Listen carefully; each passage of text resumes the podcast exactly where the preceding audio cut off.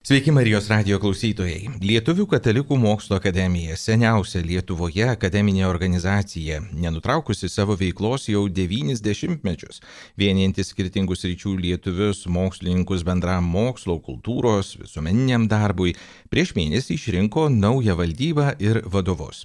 Naujai išrinktoje centro valdyboje akademikai Liudas Jovai, Šarūnas Streikus, Paulius Subačius, Mikas Vaicekauskas, dr. Povilas Aleksandраvičius, taip pat sesuo dr. Rima Malickai ir kunigas dr. Saulis Romšas. Kas yra Lietuvių katalikų mokslo akademija, ką planuoja ir kur link judės su nauja vadovybė. Marijos radio Vilniaus studijoje kalbame su naujojo akademijos pirmininku, istoriku, humanitarinių mokslų daktaru, Vilniaus universiteto docentu, bažnyčios istorijos studijų vyredaktoriumi, akademiku Liudu Jovaiša. Sveiki. Sveiki. Nuotoliniu būdu prie mūsų pokalbio prisijungė ir nukryžiuotojo Kristaus seserų kongregacijos sesuo, humanitarinių mokslų daktarė, akademijos mokslinė sekretorė, sesuo Rima Malickaitė. Sveiki. Sveiki. Ir pokalbį pirmiausia pradėkime nuo institucinių savokų įsiaiškinimo. Turime Lietuvos mokslų akademiją ir štai yra Lietuvių katalikų mokslo akademija. Kiek šios organizacijos susiję ir kuo skiriasi? Paaiškinkim klausytojams. Na, iš tikrųjų, Lietuvių katalikų mokslo akademija, šiaip daug kuklesnė savo tokiu svoriu, lyginant su Lietuvos mokslo akademija, yra senesnė ir, na, turi kitokį, kitokį pobūdį, kitokį profilį. Vadinasi akademija, bet iš tikrųjų susikūrė veikiau kaip katalikų mokslininkų draugija. Tai toks visuomeninis samburis. Jo ištakos dar prieš pirmąjį pasaulinį karą, kuomet Adomas Jakštas pradėjo leisti tokį pirmąjį lietuvių kalbą intelektualų į žurnalą, galime sakyti, draugija Kaune Buvo mėginimų, svarstymų, iniciatyvų įkurti tokią draugiją dar iki karo pradžios, tačiau e, nebuvo spėta to padaryti ir tokia organizacija Lietuvių katalikų mokslo akademija įsikūrė tik 1922 metais. Lietuvos mokslo akademija įsteigta sovietmečiu 1941 metais pagal e, Sovietų sąjungos tokio institucinio mokslo pavyzdį. Tai tokia mokslo tyriamojo darbo institucija su tyriamaisiais padaliniais įvairių mokslo šakų institutais, kuri tokiu pavydalu gyvavo irgi iki nepriklausomybės atkūrimo. Dabar institutai išsilaisvino, galime sakyti, emancipavosi iš to e, akademijos togo. Akademija irgi atlieka, na, tokį tik tai valstybinį galbūt mokslo reprezentacijos mokslo ekspertų sambūrio vaidmenį, išlaiko, prižiūri biblioteką, Mokslo akademijos Vrublevskių biblioteką, teikia stipendijas, patarė vyriausybei, kam skirti kokias premijas ir panašiai. Tai čia va toks, toks skirtumas. Na ir dar du žodžiai galbūt svarbus, man atrodo, skirianti šitas institucijas. Labai dažnai painiojame Lietuvos ir lietuvių. Vienu atveju turime reikalo su Lietuva, kitu su lietuviais. Tai ta Lietuvių katalikų mokslo akademija atspindi tą tautinio sąjūdžio laikotarpį, kuomet buvo akcentuojama, na, visa, kas susiję su to moderniaja lietuvybė. Dabar galbūt mums sunkiau tą priimti, organiškiau būtų galbūt Lietuvos, neapsiribojant tą etninę lietuvių savoką. Tačiau paradoksaliu būdu tas akademijai padėjo gyvuoti sovietmečiu, išeivijoje, kuomet ji negalėjo veikti Lietuvoje bet kaip lietuvių katalikų e, akademikų samboris galėjo atsikurti ir, ir, ir būtent veikti toli nuo Lietuvos. Na ir antras, antra tokia galūnė dažnai painiojama vienu atveju mokslų, kitu atveju mokslo. Tai čia, e, na, šituo atveju Lietuvių katalikų mokslo akademijos atveju norima pabrėžti tas, tas mokslo galbūt prigimtinė vienovė galbūt, tokio požiūrio į mokslą galbūt kaip mokslo neprieštaraujančio, neprieštaraujančio tikėjimui, jį papildančio veikiau ir kaip tokį turinti tam tikrą bendrą pagrindą, leidžianti įvairių šakų mokslininkams na, kalbėtis tarpusavį ir bendrauti. Tai ačiū labai už tą paaiškinimą, iš tikrųjų aiškiau, tai ko gero ir vienoj, ir kitoj galėtų mokslininkai dalyvauti, tik šiuo atveju jau katalikų, tai jau būti tikinčių žmogumi. Nu, nematuojame turbūt tos, tos temperatūros ar apsisprendimo, kaip išmatuosi. Jeigu žmogus pateikia, pateikia prašymą ir nori įstoti, tai nei lietuviškumo, nei katalikiškumo nematuojam, paprastai, na gal moksliškumą šiek tiek prašoma yra pridėti tam tikrą mokslo darbų sąrašą ir, ir turi būti, jeigu nori būti tikruoju nariu, tai turi būti mokslų daktaras koks nors. Bet čia iš tikrųjų žmogaus apsisprendimo reikalas. Štai neseniai e, netekome vieno akademiko, italo Gvido Mikelinį, žinomo baltisto, kuris, na, nebuvo nebuvo lietuvis, buvo italas, bet buvo akademijos narys e, ir, ir vienas iš tokių iš tikrųjų svariausių, reikšmingiausių galbūt viena iš tokių figūrų. Turiu taip pat bičiulį e, Lenkijoje, Poznanėje, kuris taip pat štai nekartai išreiškė norą įstoti į akademiją ir sakė, nesvarbu, kad čia vadinasi lietuvių, o aš esu Lenkas. Tas ir netrukdė, tai ir jum netrukdo. Taip, taip. Tai smagu. Gerai, dabar jau pereikim prie konkretesnių dalykų. Su kokiais tikslais atėjot, ką planuojat veikti, puoselėjant akademijos veiklą? Na, tokių tikslų galbūt, galbūt ir neturėjau. Tas, dabar, dabar reikia galvoti iš tikrųjų tas, tas toks kažkokios naujos, naujos pareigos, naujos atsakomybės, tai nebuvo, nebuvo planuotos. Tiesiog tenka dalintis kažkaip, rotuotis tarpusavyje, ir, ir prisimti tą atsakomybę, kurios, nu, kažkaip nei, nei, nei labai gal, nei labai norisi, nei labai gal uh, esi tam tinkamas. Tai tiesiog štai pasižiūrėjau, žinoma, tą progą į tokius kertinius galbūt akademijos tikslus, kurie surašyti įstatuose. Tai sakyčiau, keturi tokie dalykai galbūt yra uh, Mokslinė veikla, telkimas, telkimas daugiau ar mažiau koordinuojant tokį kryptingą, galbūt kryptingus mokslinius tyrinėjimus, kurie būtų susiję daugiau ar su, su krikščioniškąja kultūra, arba su krikščioniškoju požiūriu, krikščioniška prieiga į tam tikrus universalius mokslo klausimus. Antras dalykas būtų na, tų pačių akademijos narių formacija, galbūt ir intelektualinė, ir galbūt e, etinė, kultūrinė ir dvasinė formacija, tam tikras bendro, bendruomeniškumo aspektas.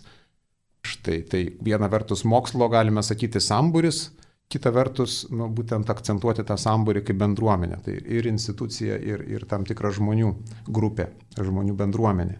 Trečias aspektas įstatuose pabrėžtas yra ūkdymas jaunų, jaunų mokslininkų, studentų, Tai tas trečias galbūt veiklos aspektas. Ir ketvirtas, na, e, bendro, bendro kultūros ir mokslingumo tokia sklaida ar bendro lygio visuomenėje kelimas. Tai čia mažoji akademija, manau, tą, tą ketvirtąją veiklos kryptį na, e, sėkmingai, sėkmingai realizuoja. Dabar jeigu kalbant apie tuos tris, tris likusius dalykus, tas mokslas, bendruomenė ir ir jaunimo ugdymas, na tai iš tikrųjų svarstome, ką daryti ir daugelis, daugelis tų sričių yra problemiškos. Pirmiausia, tas bendruomeniškumas, esame pabirę gerokai, ta bendruomenė plėtėsi po 1990 metų, atsikūrė, kaip daug kas atsikūrė Lietuvoje, bet labai paviršutiniškai, labai masiškai, tai tų narių susirašė labai daug, bet realiai aktyviai dalyvaujančių akademijos veikloje, na, nėra tiek daug. Antras aspektas - kartų kaita jau tam tikra vyresnioji karta e, po truputį traukiasi. Naujos kartos tokios vidutinės ar jau, jau, jaunesnės štai daug neturime ir tai yra iššūkis irgi štai kažkokius naujus narius galbūt angažuoti, motivuoti ir, ir štai palaikyti akademijos gyvastingumą. Ir taip pat, na, palaikyti ryšius taip pat ir tarp, tarp akademijos narių, kurie išsibarstė yra. Ne, dabar daugiau, daugiau Vilniuje mes turim tą bendruomenę gal tokią e, gyvesnė, bet, bet ir kitose, kitose Lietuvos vietose, na, šiek tiek esame galbūt ir tuos, tuos ryšius tarpusavio, tarpusavio užleidę.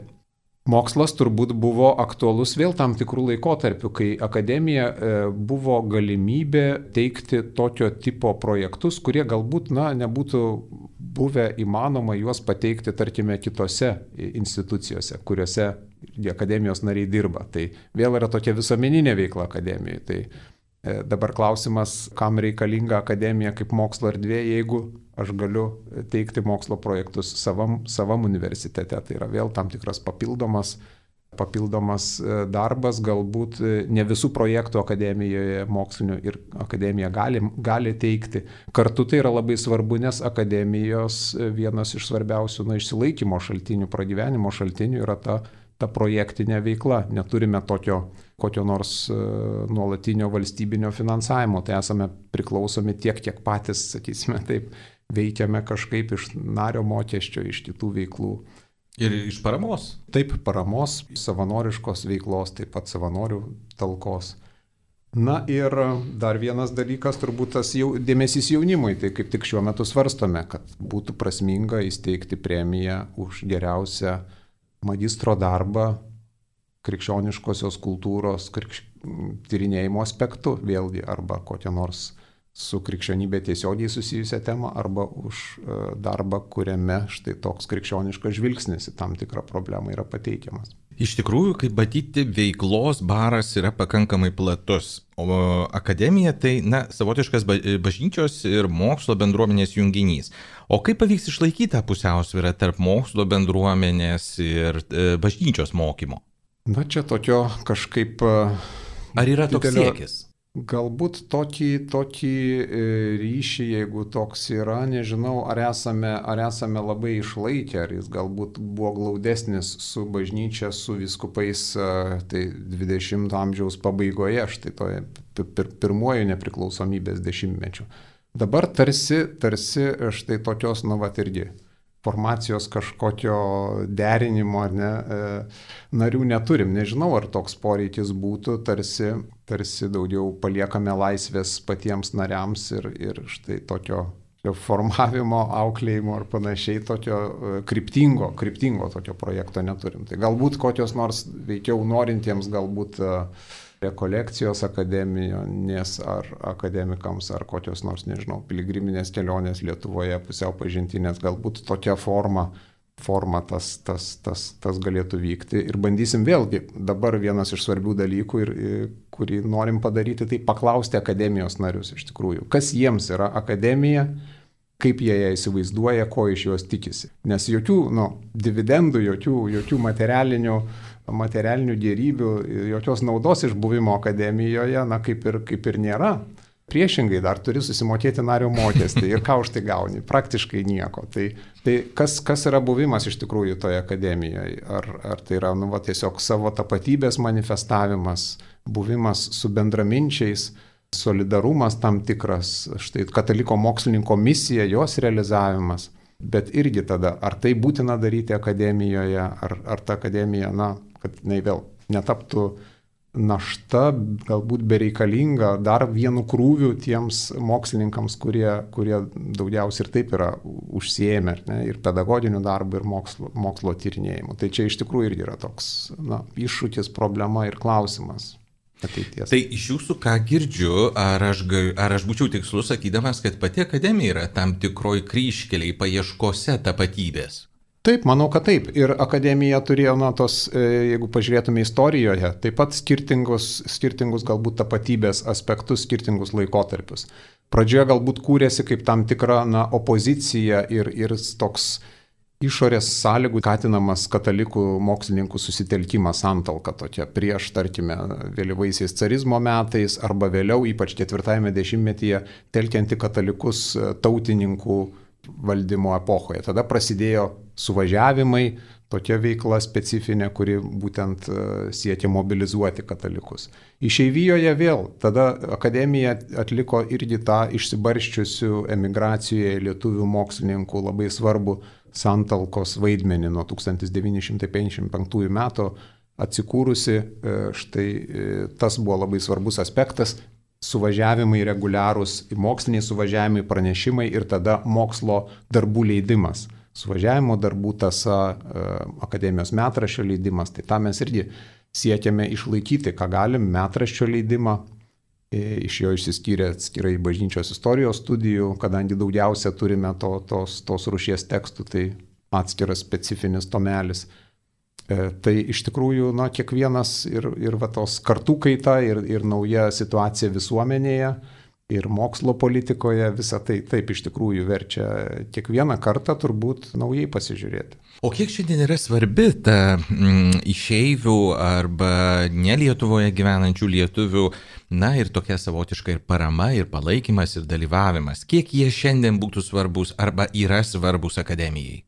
Manau, kad vienas e, iš tokių labai e, konkrečių dalykų, apčiuopiamų dalykų yra ta materialinė, materialinė tam tikra bazė, kuri susikaupė iš išeivijoje gyvenusių akademijos rėmėjų aukų.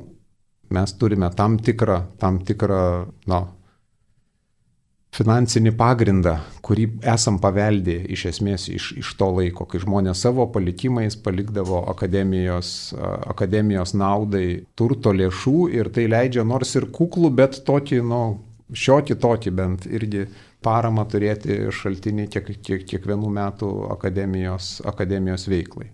Antras dalykas, sakyčiau, yra na, svarbu tas, tas irgi istorinis testinumas, kaip jūs ir minėjote, tas buvimas seniausia tokia mokslo, mokslo, mokslo įstaiga tebe gyvuojančia Lietuvoje. Pirmoji buvo Lietuvių, Lietuvių mokslo draugija, bet na, jos testinumas yra nutrūkęs, akademija gyvuoja iki šiol ir manau, kad taip pat yra na, svarbu ir kalbant apie tokią mokslo sklaidos veiklą, taip pat irgi ir paviešinti, labiau paskleisti tą mokslinį įdirbį, tuos tekstus, kurie atsirado ir išeivijoje. Tai galbūt irgi ir savo puslapyje stengsime suskaitmeninti tas publikacijas, kad jos būtų patogiau prieinamos ir tiesiog e, dažniau vartojamos, ne, daugiau toje cirkuliuotų mokslinėje apykaitoje.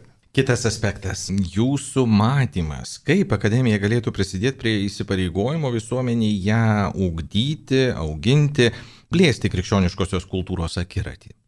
Na tai e, pirmiausia ir nuo pirmojo etapo tai buvo įvairios tokios viešos paskaitos ir dabar tai ir gali būti ir, ir suvažiavimai vykstantis kas trejus metus, na jų formą irgi nuolat kažkaip tenka permastyti, dabar turėjom nuotolinį tokį suvažiavimą be jokių, e, be jokių pranešimų, tokį darbinio pobūdžio šitomis sąlygomis. Akademijos salėje vėlgi yra buvę įvairių, įvairių paskaitų, diskusijų, diskusijų ciklų ir ateityje mes siekiame kažkaip gintume atsiliepti į tas visuomenės gyvenimo aktualijas. Tai vėlgi kalbant ir apie, ir apie studentiją, turbūt galvojam apie tokį akademinį studijų savaitgalį, galbūt pradėti organizuoti kartą per metus gvildenant vėlgi tas aktualias šiandien e, rezonuojančias visuomenėje temas, bet gvildenant, na, ne taip, ne vien retorinių politinių diskursų, bet būtent pažvelgiant įvairių, įvairių, įvairių prieigų, įvairių disciplinų, tokioje mokslinių, mokslinių rakursų. Aš vat patikslinsiu labiau, buvo ar labiau noras yra, na, ir likti tokia akademinė organizacija, ar visgi, na, išeiti iš tų ribų tokių uždarų ir, vad kaip ir pats užsiminat, atliepti visuomenės poreikius. Galbūt, na, per tą sukurtą, atrastą žodį bandyti atliepti vienus ar kitus lūkesčius. Aš sakyčiau ir ir ir, ir tapęs vien populiarintojų rizikuoji prarasti tą na, mokslininko kvalifikaciją. Tai iš tikrųjų, nu, tas yra visada turi, tam, kad duotum, turėtum, turi galimybės vėl pasisemti ir pasipildyti. Tai manau, kad tas, tas ta, tai yra dviejų tų dalykų tokia neišardoma nu, dialektinė sampina. Tai ir, ir, ir, ir moksliniai tyrimai, ir kartu be abejo, kad jie nebūtų savitiksliai, tai ir tam tikras, tam tikras be abejo populiarinimas ir sklaida. Tai bandysim ir, nežinau, ir, ir, ir Facebook'o puslapyje dalintis vėl kiek įmanoma, nu, išnaudoti tuos įvairius sklaidos visuomenėje būdus ir manau, kad geriausias, geriausias būdas ir sėkmingiausias projektas yra mažoji akademija iš tikrųjų. Labai natūraliai tiesiog perėjot, aš jau norėjau tiesiog nepalikti sesers Rimos Malickaitės. Sveiki dar kartą. Taigi, ko gero, mažoji akademija šiandien yra labiausiai reprezentuojanti Katalikų mokslo akademija. Kas tai yra, pristatykit trumpai, galbūt klausytojai, kai kurie pirmą kartą išgirs, ko siekiama, ką ten veikiate. Iš tiesų, galbūt uh taip esame matomi kaip mažoji akademija, mūsų kursų žino daug žmonių, e, bet nežinau, ar, ar mes čia kažkaip nepasidalinam ko nors su e, Lietuvių katalikų mokslo akademija, nes jie daro mokslą, o mes kažkaip bandome e, skleisti tą žinią. Tai mažoji akademija yra skirta suaugusiems žmonėms, tai yra akademiniai krikščioniški kursai, labai įvairios temos, e, labai mėgstame visokius kursus apie šventąjį raštą. E, yra nuostabu, kad e, esant tokiai situacijai aukštosiuose mokyklose su ten teologija ir šventojo rašto studijomis vis dėlto turim tikrai labai kompetitingų dėstytojų, kurie gali tuos kursus vesti, skaityti Ir per šituos beveik dešimt metų, kai veikia mažoji akademija, praktiškai mes jau esame gerokai pastudijavę šventą įraštą. Taip pat yra teologijos studijos. Jūs minėjote apie tai, apie, klausėte apie Lietuvų katalikų mokslo akademijos ir bažnyčios santyki, tai galiu pasakyti, kad mažoji akademija apskritai, kai buvo įkurta, tai vienas iš tikslų buvo na, tas glaudus ir atskaitingas santykis su bažnyčia. Dėl to visi dėstytojai, kuriuos mes kviečiame, na, jie dažniausiai yra tikrai, na, tokie aktyvūs ir na, patikimi bažnyčios, bažnyčios nariai ir nu, kartu bažnyčios mokymo skleidėjai. Norime paprastai, kad tie dėstytojai na, turėtų tas mokslinės kompetencijas, kad jie būtų baigę studijas, dažniausiai jie baigia studijas kur nors Romoje, kokiame nors gerame universitete.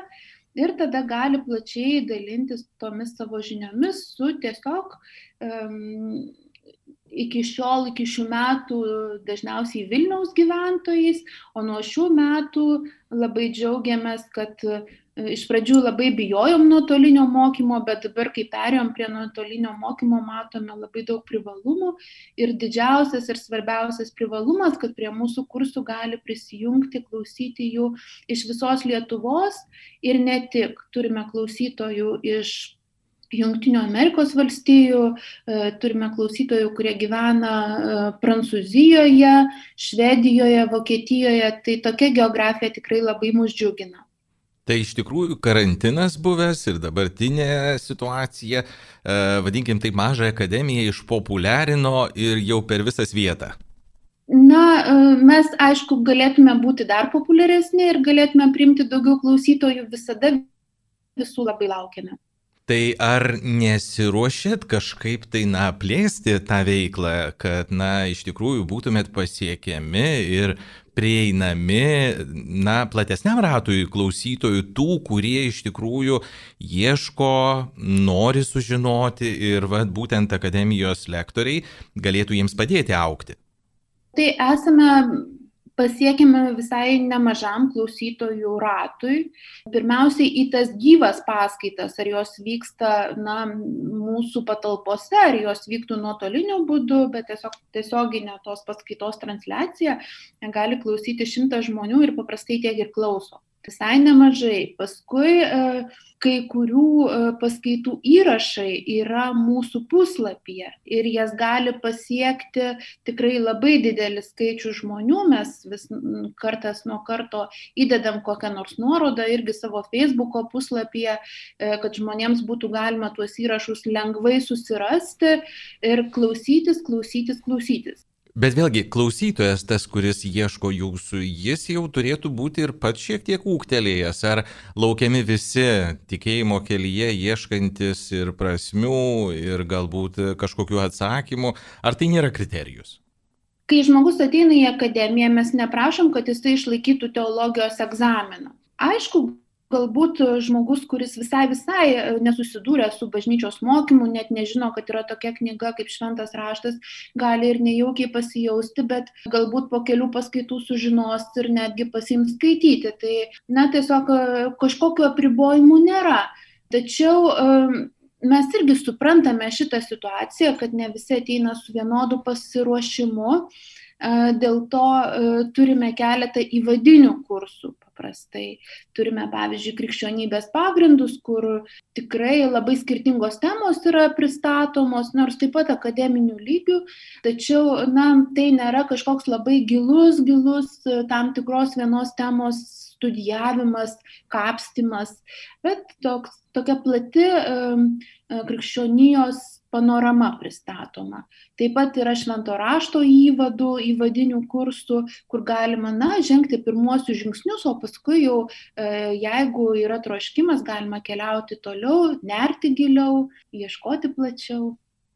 Tai tas, kuris dabar klauso mūsų ir susidomėjo, ką jam daryti, kaip jūs rasti, kaip prisijungti, kaip dalyvauti. Na, mes e, savo visą informaciją pirmiausiai e, skelbiame savo puslapyje, jisai pasiekiamas tokiu adresu lkma.lt sutrumpinta Lietuvių katalikų mokslo akademija, pirmosios raidės ir tada e, Lietuvos e, pabaiga LT.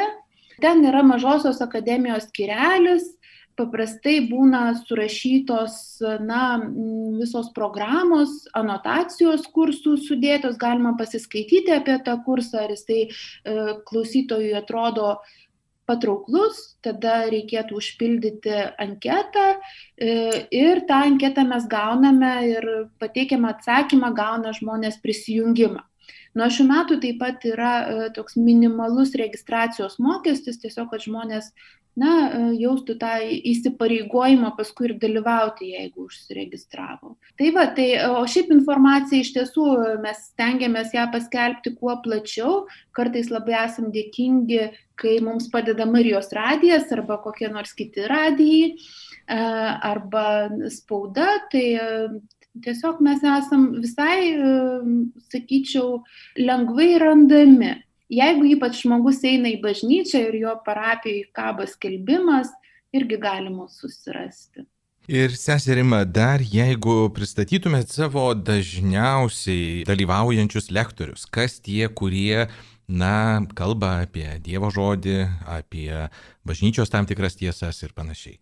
Na, e, iš tiesų jų yra labai daug. Šiais metais skaičiavau, iš vis kiek buvo per metus, tai be ne aštuoni profesoriai, trisdešimt daktarų ir taip toliau. Ir taip toliau, tai visų neišvardinsiu ir tikiuosi neįsižeis tie, kurių nepaminėsiu, bet keletą tikrai, manau, verta paminėti. Klausėte apie šventojo rašto studijas, tai pas mus paprastai dėsto daktarė Ingrida Gudauskienė, bent po vieną kursą per metus. Taip pat e, pas mus dėsto kunigas Moze Mitkevičius, kurį tikrai ir Marijos radio klausytojai pažįsta, sesė Benedikta dėsto taip pat va, tuos įvadus į Evangelijas, į apaštalų darbus. Yra ir kitų dėstytojų, kurie kalba apie šventą įraštą. Bažnyčios istorija irgi, na, toks galima sakyti, kiekvienais metais praktiškai besisukantis kursas, kuri, kuris nors laikotarpis e, yra aptariamas, tai irgi vat, ir e, gerbiamas Liudas dėsto, ir Arūnas Streikus, ir Vytautas Ališauskas. Na, žodžiu, mes turim tikrai e, visą žvaigždyną. Ir tikrai tos temos tuo neišsibaigia, nes liturgijos, pavyzdžiui, tema, tai um, kunigas Eitvidas Merkys dėstė, šiais metais dėsto Benas Ulevičius, uh, tikriausiai žinot, Kauno Vytauto didžiojo universiteto teologijos fakulteto dekanas, jisai tikrai labai mielai padeda, kiekvieną semestrą skaito kokį nors teologijos kursą, taip pat buvo apie šeimai skirti kursai, tokie ir šeimotyros, ir, ir tokia, nežinau, kaip pasakyti, šeimos, galbūt ne teologija, bet šeima šventajame rašte, tikrai labai įvairūs aspektai. Tie kursai um, praktiškai labai retai kartojasi, vis sugalvojame ką nors naujo, tai tikrai visus e, čia per dešimt metų įvykusius kursus būtų sunku paminėti ir jų dėstytojus taip pat būtų sunku suminėti. Be abejo. Ir seserima, galbūt pabaigai, o kiek jums pačiai svarbu išlaikyti tą, na, iš tiesų tokį aukštą autoritetais paremtą veiklos formą? Gal, pažiūrėjau, nauja kryptis galėtų būti dar platesnis ir visapimantis visuomenės įtraukimas? Mes esame po Lietuvių katalikų mokslo akademijos stogu ir tai tikrai yra svarbu. Kai mažoji akademija buvo kuriama 11 metais, jinai buvo įsteigta ir pradėjo savo veiklą, kaip vienas iš kriterijų buvo, na, va, tas žinios patikimumas, kad tai iš tiesų būtų, na, tikrai e, krikščioniška žinia, e, kad tai nebūtų, na, kažkas į tą pusę, bet būtų tiksliai tai. Ir, na, kaip akademinis tas formatas mums atrodė irgi kaip priemonė užtikrinti, užtikrinti kad, na, ta žinia bus labai kompetitingai pateikiama. Tai kol kas aš matau, kad tai yra gera, klausytojai, kurie ateina ir kartais galbūt e, ir pirmas paskaitas pasiskundžia, kad jiems sunku, Bet kai baigiantis semestrui pasidžiaugia, kad vis dėlto, na, jie klausė šitas paskaitas, tai kiekvieną kartą man būna, na, toks liudijimas, kad yra dalykų, dėl kurių verta stengtis. Ir šis semestras jau į pabaigą. Jeigu anonsuojant ateinantį, ko laukti, ko tikėtis, ką žadate? Kitas semestras prasidės sausio mėnesį, taip pat ir registracija į jį prasidės sausio ketvirtą dieną. E, dabar e, turime jau keletą kursų. Vienas iš kursų bus Beno Ulevičiaus dėstomas kristologijos kursas, na, čia teologija, bet e, labai džiaugiausi, kai pavyko susitarti, nes Benas tikrai yra nuostabus dėstytojas, kuris sudėtingus dalykus moka pasakyti paprastai ir kartais ir šmaikščiai, ir labai žmogiškai, ir tiesiog jo gera klausyti ir susikrauti tą teologijos kapitalą, kurį tikrai labai sunku šiaip e, susikrauti. E, taip pat e, kunigas Moze Mitkevičius, jau minėtas, pažadėjo ilgą 15 paskaitų kursą apie Evangeliją pagal Morku. Tai, na, tikiu, kad laukia tikrai puikia, graži kelionė kartu su šito dėstytoju šios Evangelijos puslapiais. Taip pat e, bus kūno teologijos kursas.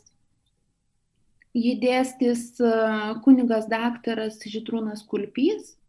Na, turint galvoj, e, kiek daug, na, kiek daug vis dėlto emocijų kelia šitos temos, tai aš labai džiaugiuosi, kad šitas kursas bus, e, bus mūsų, mūsų tinklelyje. E, taip pat dar vienas kursas, kuris, na, labai turėtų būti įdomus, toks šio laikiškas, atsliepiantis į vat, dabartinės bažnyčios na, gyvenimą ir tam tikrus iššūkius, bus kunigo Andriaus Končiaus kursas, apie, na, e, charizmatinius judėjimus ir tą va, tokią konservatyvę e, mūsų bažnyčią. Kaip, koks santykis yra tarp visų charizmatinių judėjimų ir mūsų įprastos bažnyčios. Tai tikrai labai pati laukiu šito kurso, e, nes kartais tos aistros verda ir labai norisi turėti argumentų, na, tiesiog tą savo nuomonę susidaryti.